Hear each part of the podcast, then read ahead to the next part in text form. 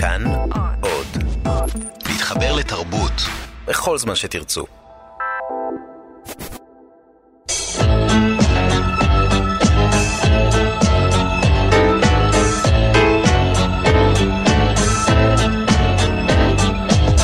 גיבור תרבות הדוקטור דן הרב והדוקטור דוד גורביץ' באולפן עם יונתן גת.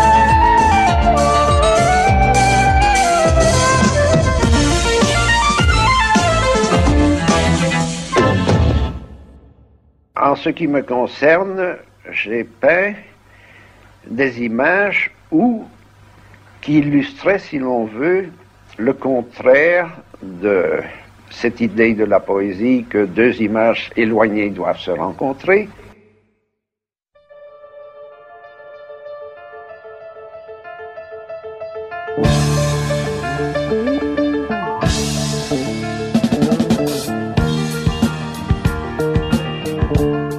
כן, שמענו את קולו של גיבור התרבות שלנו לתוכנית הזאת, הצייר רנה מגריט, שבימים אלה אנחנו מציינים 120 שנה להולדתו. ומה שהוא אמר כאן בהקלטה הנדירה הזאת הוא, מה שמעניין אותי זה לצייר תמונות שמסמלות את ההפך מרעיון השירה. בשירה יש שני דימויים רחוקים שנפגשים, אני רוצה לעשות הפוך. אנחנו בהמשך התוכנית נתייחס לציטוט הזה וננסה להסביר אותו, אבל בינתיים נגיד שלום לאנשים כאן באולפן, דוקטור דוד גורביץ', אהלן, דוקטור דן הרב, היי יונתן. ואני יונתן גת, והיום יש לנו גיבור תרבות ממזרי אפשר להגיד, אפילו מטעה, גם בציורים שלו וגם בחזות שלו. כן, הוא נראה אדם מהיישוב, נינוח, אלגנטי, אבל בפנים וביצירות שלו תמיד יש טוויסט שמאתגר את ההיגיון, מאתגר את החשיבה על המציאות, על הדמיון, ומטיל ספק מי אמיתי יותר מבין השניים. כן, רנה מגריט הוא אולי האייקון הגדול של הסוריאליזם הצרפתי הפיגורטיבי. ישנו סוריאליזם פיגורטיבי, יש סוריאליזם יותר מופשט, שאולי נתייחס אליו פעם אחרת. הוא כמובן גם הצייר הסוריאליסטי המפורסם מאוד, משום שהוא נקלט לחלוטין לתוך תרבות הפרסומת הקפיטליסטית והפך להיות חלק, מ, הייתי אומר, מה-DNA התקשורתי הכללי של התרבות הפופולרית. ולכן צריך להסתכל על שתי הפנים של רנה מגריט. מצד אחד פריצת הדרך שלו במחשבה הסוריאליסטית, ומצד שני האופן שבו הוא נטמע בצורה כל כך נוחה. פופולרית. ופופולרית, והייתי אומר מביכה במידה רבה, בתוך תרבות ההמונים. כן, אתה אמרת את המילה סוריאליזם כל כך הרבה פעמים, דוד. מה לעשות, זה נכון.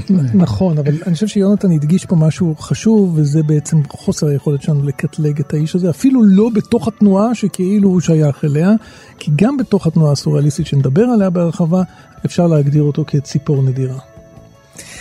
רנה פרנסואה גיזלן מגריט נולד בשנת 1898 בבלגיה לאימא כובענית, שימו לב זה חשוב, ולאבא שעסק במכירת שמני מאכל וקוביות בשר. בגיל 13 התאבדה אמו בטביעה בנהר. חמש שנים לאחר מכן, בעידודו של אביו, החל ללמוד באקדמיה לאומנויות בבריסל. בתחילת דרכו האומנותית צייר בסגנונות שונים, ובגיל 28 התחיל לעבוד בסגנון הסוריאליסטי, שעליו אנחנו עוד נדבר בהמשך. בעקבות הצלחת עבודותיו בצרפת, עבר לגור בפריז יחד עם אשתו, ששימשה לו לא פעם כדוגמנית. לאחר המלחמה זכה להצלחה עולמית גדולה, שציוריו מוצגים בתערוכות בכל רחבי העולם. בין ציוריו הנודעים אפשר למנות את בנו של האדם, בו נראה אדם חובש מגבעת ושאת פניו מסתיר תפוח. המראה המדומה, שבו נראית עין מלאה בשמיים ועננים במקום שבו אמורה להיות הקשתית.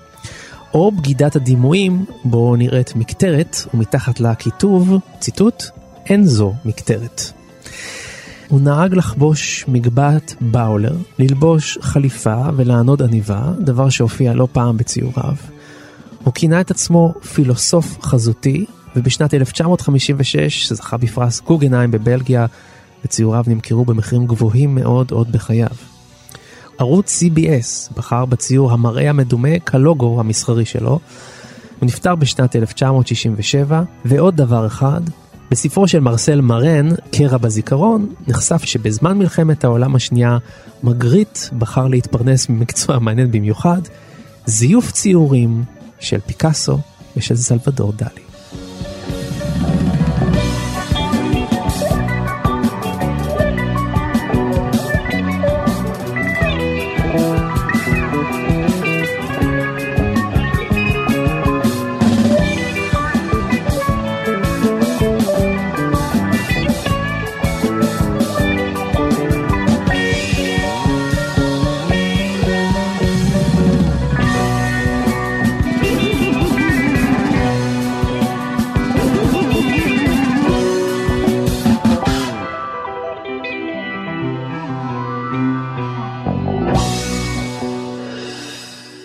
כבר עסקנו באומן סוריאליסטי כאן בתוכנית שלנו, גיבור תרבות, אה, עסקנו בסלבדור דלי.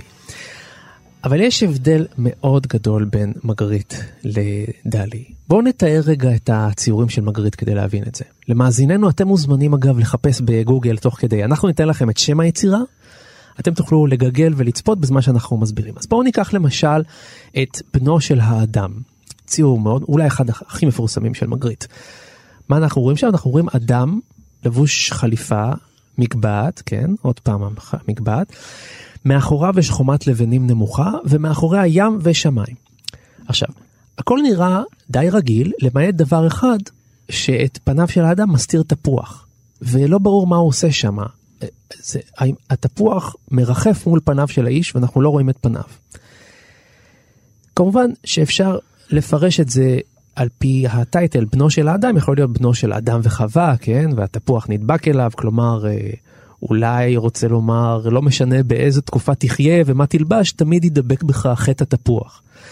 אבל מה שבעצם שונה מהגישה הזאת של מגריט מול סלבדור דלי, זה שאצל מגריט נראה שהסוריאליזם נכפה עליו. העולם של מגריט מנסה להיות רגיל, הוא שואף לנורמליות, לשלווה, הרי היצירה שתיארנו עכשיו נראית כמו מישהו שרצה פורטרט עצמי רגיל, כמו מין תמונה של תייר שרוצה להצטלם עם ים מאחורה. והסוריאליזם נוחת עליו. אצל סלבדור דלי כל התשוקה היא סוריאליזם וכאוס, כל הזמן ליצור את ההפך מהטבע. השעונים נוזלים ותולים אותם לייבוש כמו כביסה בציור התמדתו של הזיכרון. עדר של פילים וסוסים עם רגליים עצומות, עץ שהוא בעצם בן אדם, תחנות רוח שהכנפיים שלהם הם בעצם פרפרים. והכל מאוד וירטואוזי ומרשים ו- וחותר ליצור כל הזמן הפכים ומוזרויות. לעומת זאת נחזור למגריט, למשל בציור נוסף שלו, מנורת הפילוסוף, בשנת 1936, אנחנו רואים דיוקן עצמי שלו, מין דיוקן גרוטסקי כזה, שבו רואים את מגריט מעשן מקטרת, והאף שלו, תדמיינו את זה רגע, האף שלו מתארך עד לקצה המקטרת כשהוא נדחב פנימה לתוכה. והוא מביט אלינו מהציור במין מבט מיואש כזה של זה המצב, זה המצב, האף שלי תחוב לתוך מקטרת. אפשר להגיד אולי מכור לטבק, מכור לעישון, אבל זה האף שלי, מה לעשות? אז הסוריאליזם הוא מבחינתו מכת טבע. נכון, אני חושב שהגדרת את זה מאוד מאוד יפה. סלבדור דלי עובד עם ההגזמה, עם העוטפות, mm-hmm. עם הצבע, עם האנרגיות. כן. אל תשכח, הוא ספרדי. וזה בלגי, ופל בלגי, הכי הרבה ופל בלגי. כלומר, מה כבר אתה יכול לצפות מבלגים? שזה. יש בהם משהו כזה אנאלי, מבחינת יכולת okay. אוקיי. אקספרסיבית. זה חניקה של הרגש. עכשיו, מה שרואים אצל אה, אצל דלי זה הרגש הספרדי, מה אין מה לעשות, זה הוא סוריאליזם, זה במסורת של גויה וזה במסורת הספרדית, זה במסורת של העמים הלטיניים. כן. פה יש לך עולם אחר לגמרי. יש לך עולם של פחדים, של פרנויות, של שכלתנות, של טיפול, של לשמור על עצמך, לשמור על התחת שלך כל הזמן. כן. עצם ההבחנה בין שני הסוגים האלה שהבאת אותו לפנינו היא, היא מאוד טובה. כי החוכמה הגדולה היא לא להבחין בין סוריאליזם לריאליזם, זה כל ילד יכול לעשות. החוכמה הגדולה זה להבחין במקום שיש בו קרבה גדולה ושוני עצום. מה שמגריט, והסוריאליסטים האחרים רוצים להגיד לנו, שהראייה שלנו מעוורת אותנו. הראייה, חוש הראייה, הוא סוג של עיוורון שלא מאפשר לנו לראות את ההתרחשות הפנימית, את הראייה הפנימית. הראייה הפנימית שמושפעת ממצבי הנפש, שמושפעת ממצבים של פנטזיה ומושפעת ממצבים אה, של אה, חרדות פנימיות. וכשאנחנו מנסים להסתכל החוצה, אנחנו מנסים כאילו להוריד את כל החרדות האלה, להוריד את כל ההסתכלות הזאת, לנסות לעשות לה undoing. כי נוח לנו בזה, נותן לנו תחושה של הרגעה של המציאות. אה, מה שעושה מגריט, זה חושף אותנו אל ההפתעה, סלש חרדה של הקיום. והוא עושה זאת בצורה מאוד פשוטה, כמו שהראית בתמונה הזאת, הידועה מאוד שלו, על ידי כך שהוא מחברר אופנים שונים של ראייה אפשרית, אבל אופן החיבור הוא בלתי אפשרי. כלומר, התפוח הוא תפוח, החליפה היא חליפה, הז'קט הוא ז'קט, הפנים הם פנים, אבל התפוח לא נדבק במקום הנכון, או יוצא מהפרופורציות שלו.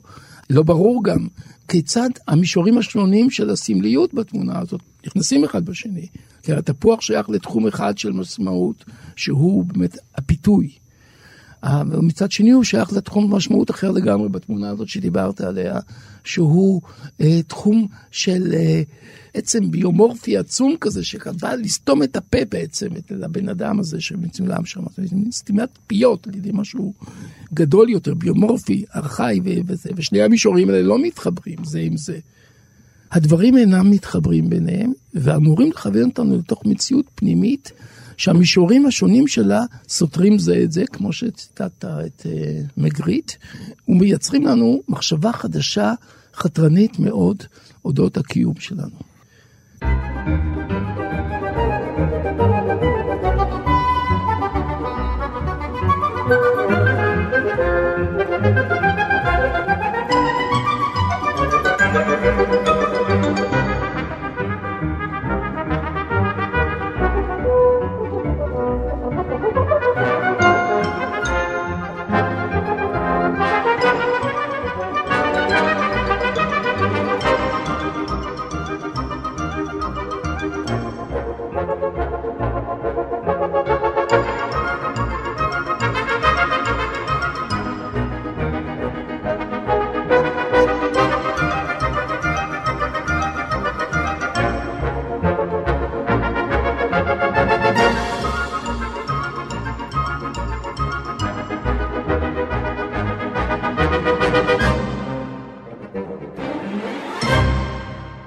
קודם כל העניין הזה של מצב סוריאליסטי או דימוי סוריאליסטי, החיבור הזה בין שני דברים, או יותר, אבל בדרך כלל בין שני דברים שלא מתחברים באופן טבעי או באופן רגיל, אני חושב שזה העניין, ובהחלט בציור שיונתן מדבר עליו, בנו של האדם זה קיים בצורה אה, מאוד מאוד ברורה.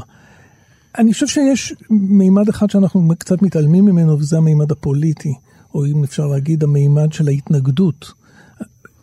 מגריט מטעה אותנו בגלל החזות שלו, בגלל האופי שלו. בעצם האומנות שלו היא אומנות מחתרתית, היא אומנות שמערערת על כל מה שאנחנו בעצם אה, מצפים מאומנות. אנחנו מצפים מאומנות קודם כל להנאה. אנחנו מצפים מאומנות להסתכל ולשאוב ממנה איזשהו סיפוק, איזושהי הנאה. מגריט בא בראש אחר לגמרי, הראש שלו הוא אומנות אמורה לעורר אותך לחשוב, אבל לא להביא אותך לשום תוצאה סופית. עצם המחשבה, זה העניין.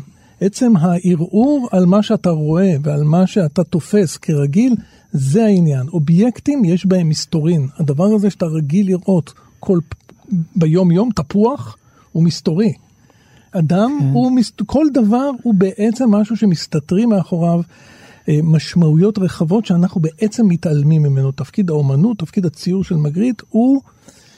התעלמות, מתעלמים ממנו מפני שזה מחריד אותנו, זה מפחיד אותנו. נכון, הוא להעמיד אותנו בפני האפשרות להסתכל על הדברים אחרת. הוא סוריאליסטי במובן הזה, אבל הוא לא סוריאליסטי במובן הזה שהוא לא מדבר על, על חלומות, והוא לא מדבר על תת מודע.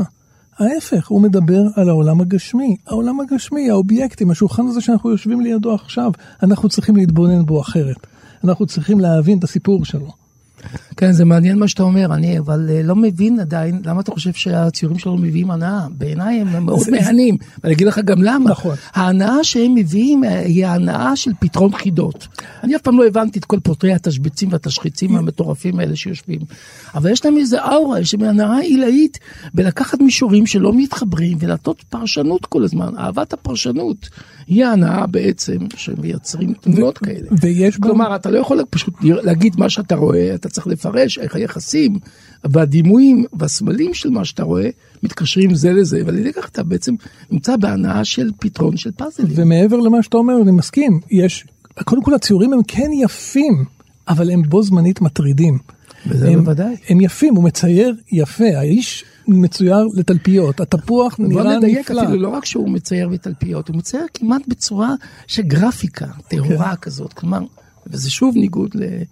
לס- לסוריאליסטים שהם הרבה יותר אקספרסיביים, כאלה כמו דלי, ואחר כך כן. אקספרסיוניסטים יותר מופשטים, בסגנון של ג'קסון פרולוג, שהושפעו מהמסורת הזאת, שנותנים לרגש, לצבע, להישפך. פה לא, הכל סגור בתוך קונטורים, מוחזק, רציונלי. אה, כמעט סילואטות של בני אדם, סילואטות של נשים, סילואטות של רוצחים, סילואטות של אנשים שתלויים בבניינים כאלה, כן. תמונה מאוד מפורסמת שאולי נדבר עליה. ועם זאת, אין מאחוריהם כלום, זה, זה בעצם דימויים גרפיים של בני אדם. הדימויים האלה הם מטרידים משום שהם הם בעצם מסמנים כאלה, הם ייצוגים, לא של הדבר עצמו, אלא איזשהו פורמט גרפי שמייצג בני אדם. אז יוצא שכל הקיום האנושי, או הייצוג הגרפי, הייתי אומר, הפלקטי שלנו, זה מאוד מטריד. הסגנון הזה של אנשים שמצוירים בעצם כגרפיקה. זה מה שהוא עושה. הוא הופך את האומנות הסוריאליסטית לגרפיקה. עכשיו, ברגע שאתה הופך את האומנות לגרפיקה, אתה עושה כבר עבודה חתרנית מאוד. אותה פעולה עשה גם אנדי וורול, וגם לו יש קשר לסוריאליזם בכיוון אחר בשנים מאוחרות יותר של פעילות. פירושו להסביר שאין את הקיום העשיר והריאליסטי של גוף האדם באושר של הגוף שלו, באושר של הצבעים, באושר של העומק, הפרספקטיביות באור וצל שלו, כמו שהמסורת הריאליסטית והקלאסית של הציור ביקשה להדגיש, אלא אין מאחורינו כלום. אנחנו סילואטות. סילואטות.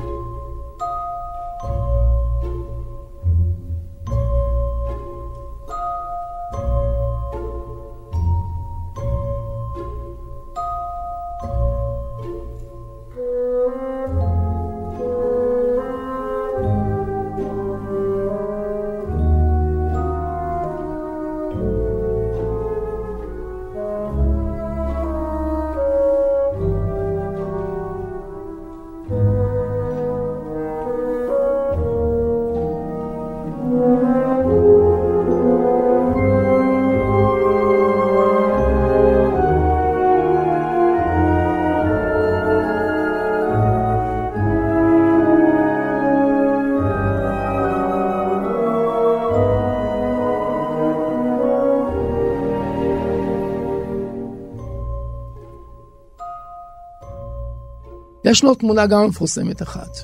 אה, תמונה שכדאי גם לכם אה, להתבונן בה, והרי הרשת מוצפת ברנה מגריט, זאת אומרת, יש אינפלציה רנה מגריטית, מגריטיס יש ברשת. כי הוא מאוד מאוד פופולרי. אז יש את התמונה הזאת נקראת לה קונדיסיון אומן, כלומר המצב האנושי. המצב האנושי. זו תמונה מפורסמת, נכון? מאוד מפורסמת, כמו שהתמונה האחרת. מאזיננו נא להיכנס לגוגל, לכתוב אה, המצב האנושי, אה, ואתם תקבלו את זה. בדיוק, ותקבלו את זה צריך לראות את זה. כן. עכשיו צריך לראות את זה טוב, וככל שאתה רואה את זה במקור, אז אתה רואה בעצם את, את התחבולה שלו. ומה שרואים כאן זה בעצם אה, איזשהו כיסא או כאן ציור שעומד ליד חלון, ומבעד לחלון רואים נוף, ומשם נוף כאילו מצויר, נוף נשקף, נוף אמיתי. ומצד שני אנחנו רואים שהכאן הזה, ובעצם מגיע למסגרת של החלון שהוא חלק מתוך ציור. כן. אז האם זאת המציאות שנשקפת מבעד לחלון, אותה מצייר האומן, או זה בעצם הציור, הציור? מש, הציור מאוד משת, משתלב היטב בחלון ברמה כזאת שקשה לנו להבין איפה הציור נגמר, למעט קו דק שיש שם זה מצד ניסוח שמאל. הרבה יותר פשוט ממה שניסיתי להגיד, זה מצוין מה שאמרת. נכון בדיוק. זאת אומרת, אתה בעצם לא יודע איפה כאן האשליה ואיפה כאן המציאות, או יותר נכון, מהו הדבר המקורי ומהו הדבר שאותו אנחנו מייצגים על ידי הציור. כן. כלומר, היחס הוא בין מס, מסומן למסמן, כלומר נוצר איזושהי בעיה לוגית, בעיה חידתית, של איך אתה מבין את המציאות ביחס בין השפה הציורית לבין העולם שאותה שפה מעצבת. כן.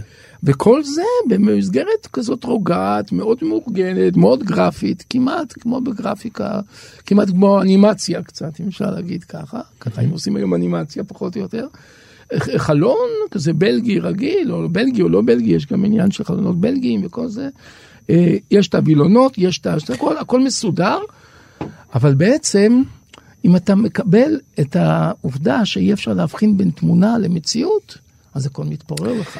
דוד, אתה התייחסת לציור הזה, המצב האנושי, וכמובן מהדהד לציור נוסף, אותו ציור שיונתן הזכיר עם המקטרת, ססינה פאר אין פיפ, זאת אומרת, זאת לא מקטרת. ובדרך כלל כשמדברים על הציור הזה אומרים, אוקיי, אנחנו מבינים מה התכוון המשורר, מה התכוון מגריט. הוא התכוון להגיד שזאת לא מקטרת, זה ציור של מקטרת. אבל אני חושב, ש, אני חושב ש, שזה לא הנקודה. אני חושב שמגריט לא מדבר על אומנות באומנות שלו. אני חושב שכשהוא אומר זאת לא מקטרת, הוא לא מתכוון להגיד מה שהבאתי לכם זה רק ייצוג של מקטרת. אני חושב שהוא מדבר על המקטרת במציאות. הוא אומר, המקטרת שבמציאות היא לא מקטרת.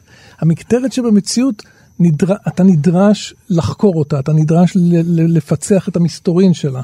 אתה נדרש להסתכל על כל מקטרת, בין היא בציור, גם במקטרת במציאות, היא בעצם ייצוג. היא בעצם דימוי, היא בעצם משהו שמצריך פענוח, היא משהו שמצריך הסתכלות מחודשת, מעבר למובן מאליו. זה כן, אבל שבטוח. אתה צריך, לא לוקח בחשבון שהוא גם כתב את זה, כלומר, הוא לא התייחס רק למקטרת, כן. הוא גם התכו- התייחס לתיאור המילולי, כן. ה- וגם לתיאור הגרפי נכון. המילולי של המסגרת, ואותה יש לקחת בחשבון. בפרשנות. ומה שרציתי להגיד לגבי העניין הזה של התמונה הזו שהזכרת, קודם כל זה נשמע לי מעניין מאוד להגיד בעצם שמה שאנחנו רואים זה, זה לא רק יכולת לתאר נכון את הדברים, אלא הדברים עצמם בכלל לא. ניתנים לתיאור, זה מה שאמרת פחות כן. או יותר. אומרת, וזה- זה נכון, אבל אה, אל תשכח שה- שהתמונה מהסוג הזה, כשיש בה כיתוב כזה ויחס כזה בין מסמן למסומן, הנושא שלה הוא הסמיוטיקה. נכון מאוד. וזה מחזק עוד יותר את ההנחה שלנו שהוא בעצם יותר פילוסוף של השפה. מאשר צייר שרוצה להציג ביומנויות אה, וירטואוזיות כאלה ואחרות. ואיתנו האומן יאיר גרבוז, אהלן. שלום, שלום. יאיר, אתה כבר אומן הבית של התוכנית, שתדע. אה, בשמחה, בשמחה. אמ, קודם כל, אתה אוהב את היצירות של מגריט?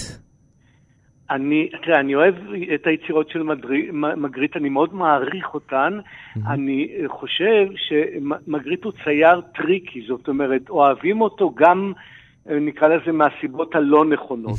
אנחנו תכף נגיע לזה, אנחנו צריכים להגיד קודם כל שמגריט הוא סוריאליסט, והסוריאליסטים הם דגים אה, חומרים באזורי מעמקים, הם, הם באזורי סכנה, כי הם עוסקים בחלום ובלא מודע ובהזיה, במשאלה, בפחד, בדמיון, וכל זה נולד מהפסיכואנליזה כמובן.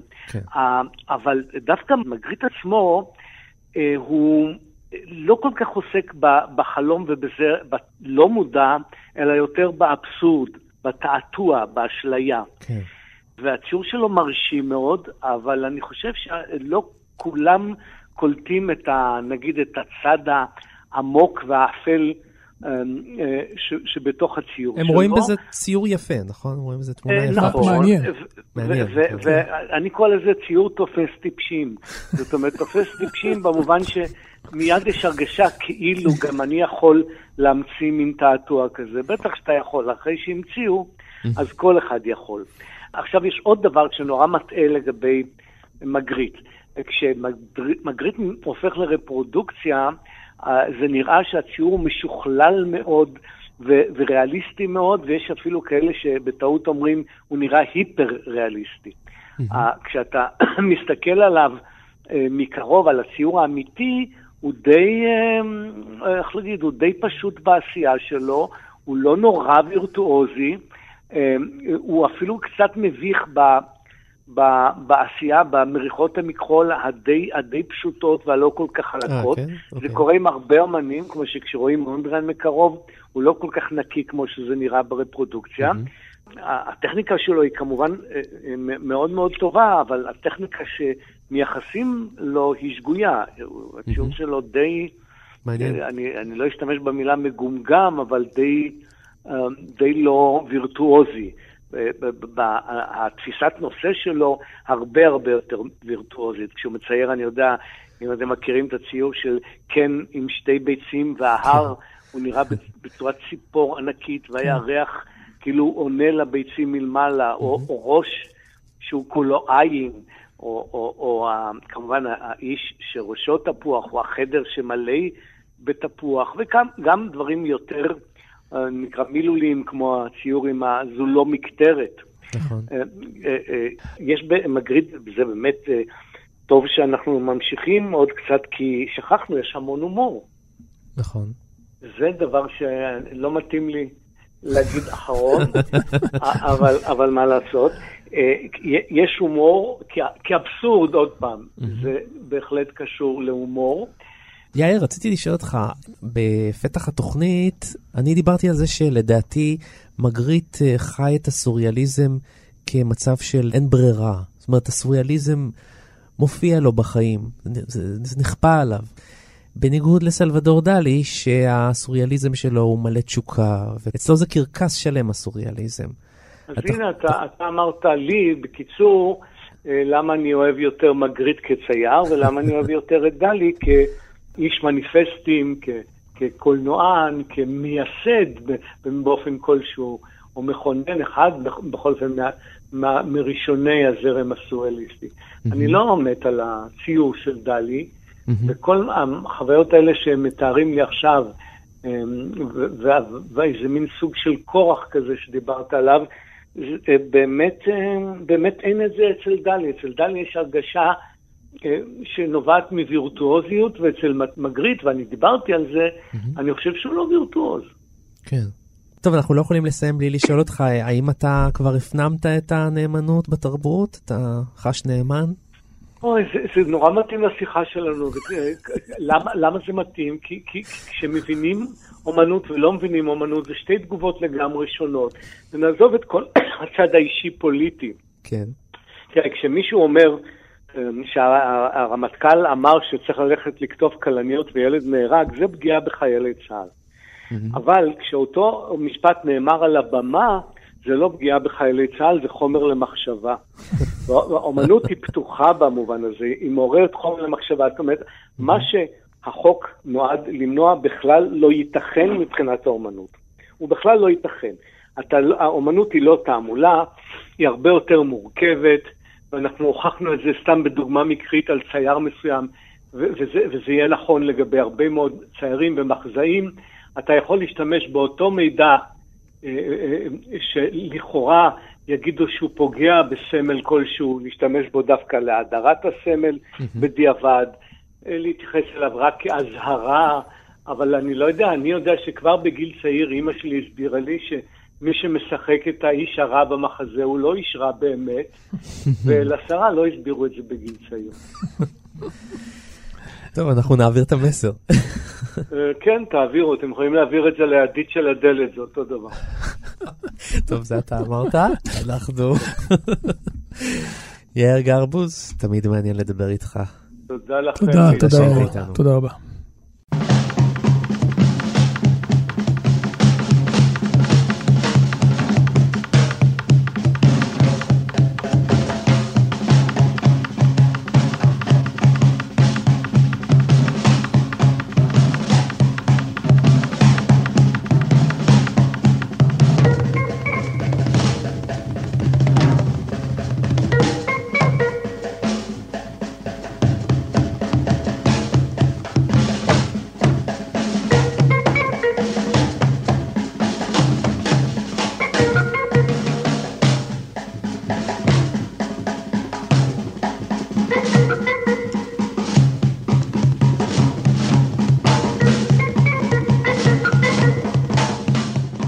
רבה. יודעים, יש תמונה שנקראת uh, A Man with a Newspaper, אדם עם עיתון, שהיא בעצם מחולקת לארבע תמונות, שנראה כמו קומיקס לרגע, שבה אנחנו רואים שולחן, כיסא, תנור חימום, חלון לנוף, אבל רק מצד שמאל למעלה אנחנו רואים אדם עם עיתון, ובשלושת התמונות האחרות הוא לא נמצא שם. כן, רואים אותו רק מצד שמאל. לפעמים אתה יכול לחשוב שזה סרט של היצ'קוק, כמו למשל הגברת נעלמת. פה נכון. גם הגברת נעלמת בתוך כדי נסיעה באיזה רכבת. וגם פה הוא נעלם באופן סוריאליסטי, כמו איזה חידה בלשית. נכון. עכשיו אין הסבר לזה. הכותרת היא גם מאוד חשובה, אדם עם עיתון. אבל הוא מופיע רק בפעם אחת, רק בחלק אחד מתוך ארבעה, ואנחנו באמת שואלים את עצמנו, למה בדיוק אה, מגריט אה, מתכוון? נו, מה אתה חושב?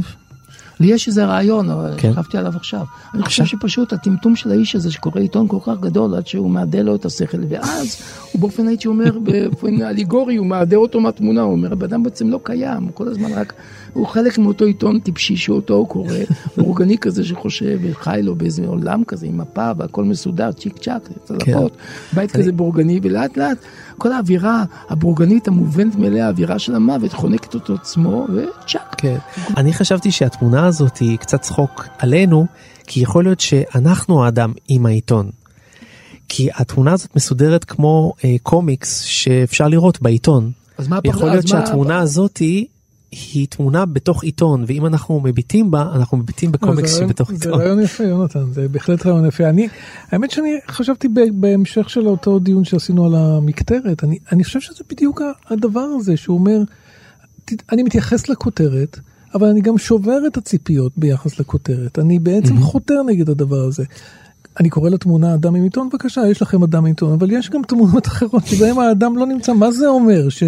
שאני לא יכול לקרוא לתמונה הזאת אדם עם עיתון? כמובן שאני יכול לקרוא לזה. כן. אני קובע כי השפה היא שרירותית. יש פער עצום בין מסמן למסומן, ושוב אני חוזר על הדבר, הוא פילוסוף של שפה ומצביע כל הזמן על המגבלות העצומות של השפה, על הכלא הזה שאנחנו מצויים בו, הכלא של האמון בדימויים והכלא של המילים שמשמשות אותנו כאילו שהן העולם. הם לא העולם, הם רק מילים שרירותיות שנבחרו כדי לייצג משהו. פרשנות גם יפה, לדעתי כל שלושת הפרשנויות לא מוציאות אחת מהשנייה, להפך, תורמות, הייתי אומר, להגדה הסוריאליסטית. אה, זה, זה יפה, כי כאילו הפרשנות שלך אומרת בעצם, אני, אני לועג ל- ל- ל- לתולדות האומנות, אדם מקטרת, כמו טבע דומם, כל מיני כותרות כאלה, כזה נשמעות יפה. אבל מה עומד מאחורי הכותרת? זה כלום. אז בעצם לועג לכל המסורת הזאת האומנותית, המסורת של השמות, והמסורת הזאת שמרוצה מעצמה כל כך. כן. במיוחד שפה מדובר על אדם בורגני ועל מסורת בורגנית מאוד ככה מסודרת, שלאט לאט אתה רואה בעצם איך היא, היא, היא, היא כאילו מתאדה, היא כאילו מתאבדת. בעצם התמונה מתאבדת, הבן אדם מתאבד. זה ההתאבדות של הבורגני. מתפוגגת. זה סופו, מתפוגגת, הבורגני מתפוגג יחד עם העיתון שלו. כי מה הוא כבר יכול לעשות בחייו? כל יום הוא קורא ככה את העיתון, הוא בעצם לא קיים בחדרים האלה, בעצם היה צריך גם בתמונה הראשונה לא לצייר אותו. עוד אה, דרך אחרת להסתכל על זה, זה דווקא במובן הכי בנאלי והכי פשוט. הוא בא לקרוא עיתון והלך.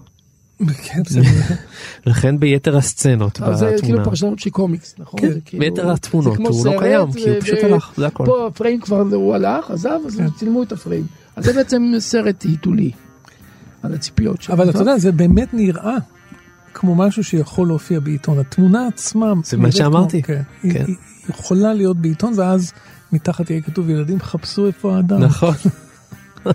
בדיוק.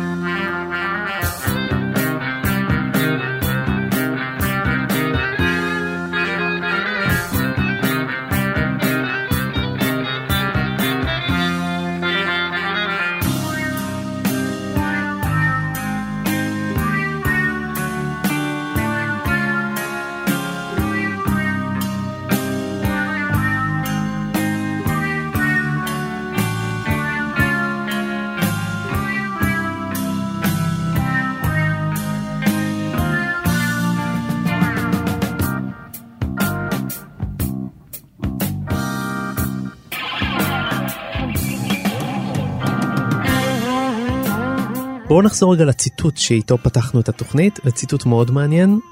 אני אקריא לכם אותו שוב פעם. הוא אומר, מעניין אותי לצייר תמונות שמסמלות את ההפך מרעיון השירה.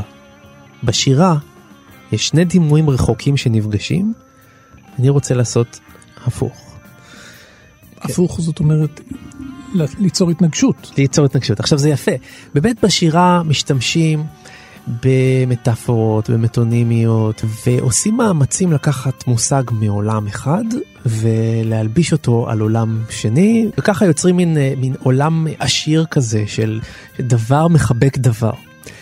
והוא דווקא כשהוא לוקח נגיד את התפוח ושם אותו על מין ציור פורטרט לכאורה נורמלי, הוא לא יוצר uh, חיבוק בין שני הדברים, להפך, הוא יוצר התנגשות כזאת שהתוצאה שלה זה הסוריאליזם. נכון, הוא יוצר כאילו תחושה של חוסר רלוונטיות של פרט אחד לפרט אחר. נכון. חוסר הרלוונטיות היא זו שמעורר אותך למחשבה מחדש.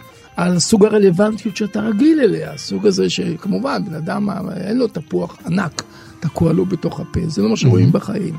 אני חושב, בניגוד למה שהוא אומר, עצם הרעיון של הפענוח של התמונה מייצר יחסים לוגיים בין החלקים שלה, יחסים שאנחנו בונים באמצעות הפרשנות, ולכן אין משמעות לרעיון שבסופו של דבר שום דבר לא מתחבר עם שום דבר.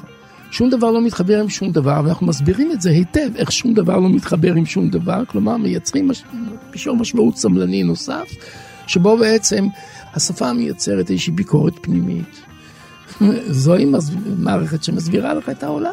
זה לא מערכת שמשאירה אותך בסופו של דבר. חושב שזה אגדה שהסוריאליסטים תוקעים אותך שם עם הציוד, עם הפומפה ומשאירים אותך ככה תקוע עם, ה... עם הדבר הזה בתוך השירותים. לא, הם לא משאירים אותך, הם מחייבים אותך לעשות כמה וכמה מהלכים לוגיים, מחשבתיים או רגשיים במקרה של אה, דלי. ואחריהם אתה מסתכל על העולם בצורה אחרת, אתה מקבל משמעות חדשה. אין כזה דבר סוריאליזם או אנטי משמעות. סוריאליזם הוא האובססיה של המשמעות שיש להגיע אליה בתור מחשבה אנליטית מעמיקה. דוד, אתה באמת חושב ככה? אתה באמת בהחלט. חושב שלסוריאליזם יש תפקיד מחנך, תפקיד של... לא, לא מחנך, לא מחנך. כאן, כאן כבר הגזמנו, לא נגיד מחנך, אבל כן, מנהיר, אה, יוצר משמעות, בטח, יוצר משמעות שאומרת, בואו ניתן לליבידו לדבר, ובואו ניתן לחרדה לדבר, ובואו ניתן לממשי הזה לדבר, אבל לא רק מה שאנחנו רגילים לראות אבל, אותו. אבל לא. האם העובדה, כן? שהוא, האם העובדה שהוא מנוכס עד כדי כך אל התרבות הפופולרית, כמו שאתה דיברת על זה קודם, העובדה שהוא הופך בעצם ל... תמונות שעולות המון המון כסף, הוא הופך לפוסטרים שאנשים תולים בבית ממוסגרות נורא נורא יפה. ומסתכלים על זה ואומרים, תראה כמה זה יפה. תראה כמה זה יפה, אף אחד לא יגיד לך, שיראה לך פוסטר של אה, מגריד בבית שלו, אף, אף אחד לא יגיד לך, תראה כמה זה פותח את הראש.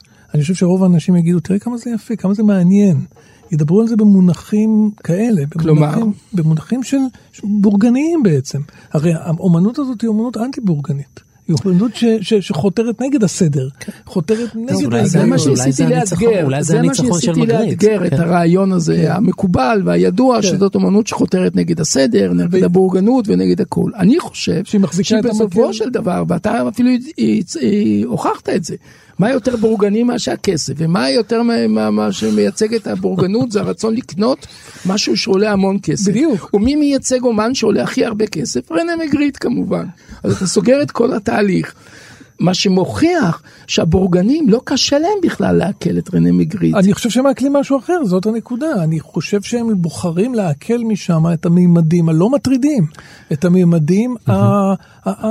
תרשה לי להציע לך עוד משהו נוסף, הם באמת לא רוצים להיות מוטרדים, הם רוצים פשוט שהם יגידו להם, אני מוכן להתמודד עם הדברים המוטרדים בקיום, ואני שם אותם כן. בסלון שלי, אתה. רואה, אני אדם נכון. מעמיק ואינטליגנטי, אני מתמודד עם החרדות שלי.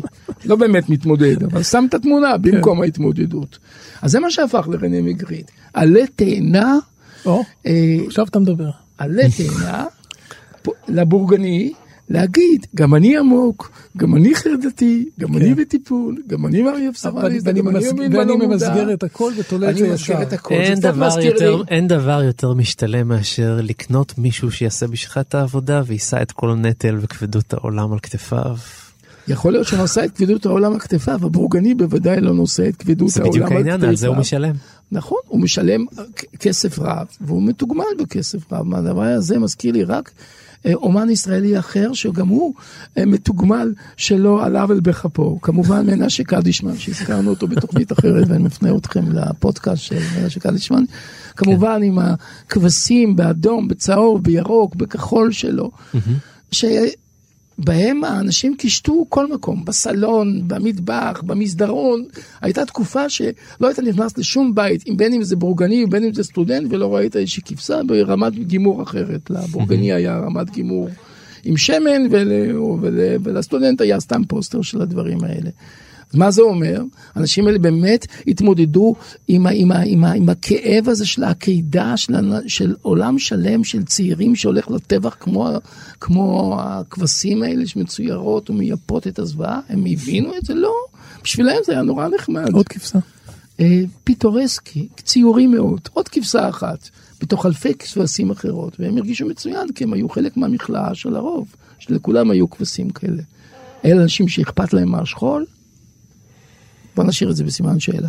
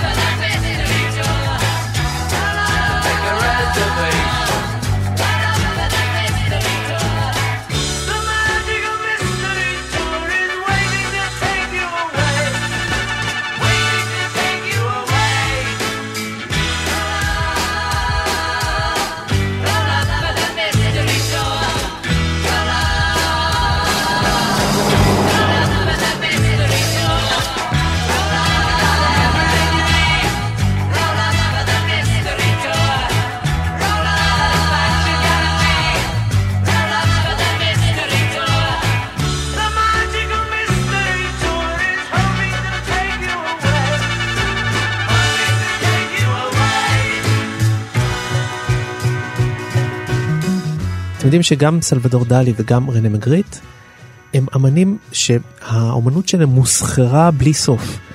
אה, על סלבדור דלי אה, לא צריך להרחיב את הדיבור, אה, התמודדתו של זיכרון היא תמונה פופולרית מאוד בכל רחבי העולם, ואת יצירותיו של רנה מגריט לקחו לעטיפות של ספרים. אתם יודעים שרנה מגריט הוא אחד הציירים הכי פופולריים בהוצאות לאור. מאות ספרים לקחו את הציורים שלו. למשל את הנעליים שהם כפות רגליים, לקחו לספר של גוגול, ועוד ציורים נוספים. ונשאלת השאלה, למה האומנות כזאת שהיא אמורה להיות כביכול קונטרוברסלית, מאתגרת, מטרידה, חותרת נגד השיטה, הופכת להיות הדבר הכי מחובק, הכי טריוויאלי לכל אה, מוצר מסחרי כזה או אחר של אומנות. יונתן, אני חושב שהמילה שחסרה פה זה המילה אריזה. מה אנחנו מצפים מאריזה?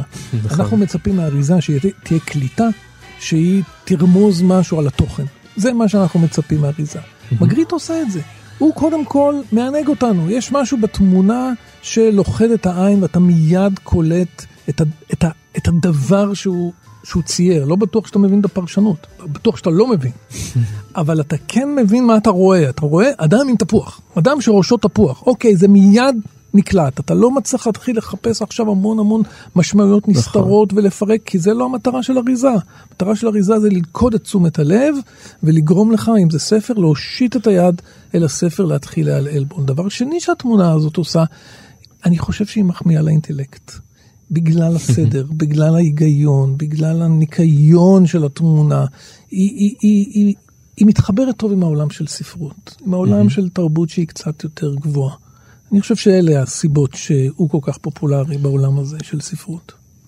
אני מסכים לכל הסיבות שאתה מנית, ואני אוסיף עוד- משהו. אני חושב שהוא הוא כל כך פופולרי משום שהוא גרפיקאי. כן. בראש ובראשונה, מה שהתרבות פופולרית רוצה לארוז לעצמה את המציאות בצורה גרפית, נוחה, שובה מבחינת העין, אה, ולא קשה לפענוח ולעיכול. ההוכחה לכך שהוא פופולרי היא בעצם, או הייתי אומר, העובדה שהוא כל כך פופולרי, ננסח את זה כך, היא הוכחה לכך שהאומנות שלו היא לא מטרידה בסופו של דבר. Mm-hmm. כי אחרת חברת אפל לא הייתה לוקחת את התפוח המפורסם שלו, הופכת אותו, וחברת CBS, כמו שאמרת, גם לא הייתה לוקחת את העין המפורסמת שלו, כן. הופכת אותו ללוגו מאוד מאוד ידוע של עשרות רבות של שנים. אה, הוא לא מטריד, מפני ש...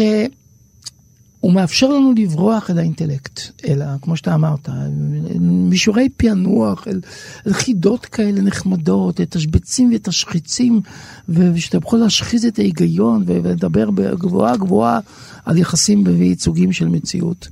וזה לא מצריך אותך בעצם להתמודד ברמת הקרבה עם, עם האיכס של המציאות.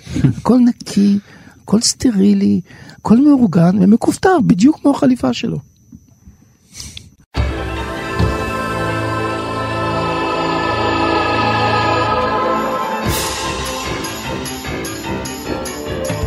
סיימנו, אבל זה לא הסוף, כי אתם יודעים שיש לנו עוד תוכניות של גיבור תרבות שמחכות לכם באפליקציה שקוראים לה כאן אודי, אתם מורידים את זה בסמארטפון שלכם, נכנסים לאזור הפודקאסטים, ושם אתם יכולים למצוא את התוכנית שלנו, ובה גם על מנשה קדישמן, וגם על סלבדור דלי כמובן, ועוד ועוד תוכניות עם גיבורי תרבות מתחומים שונים.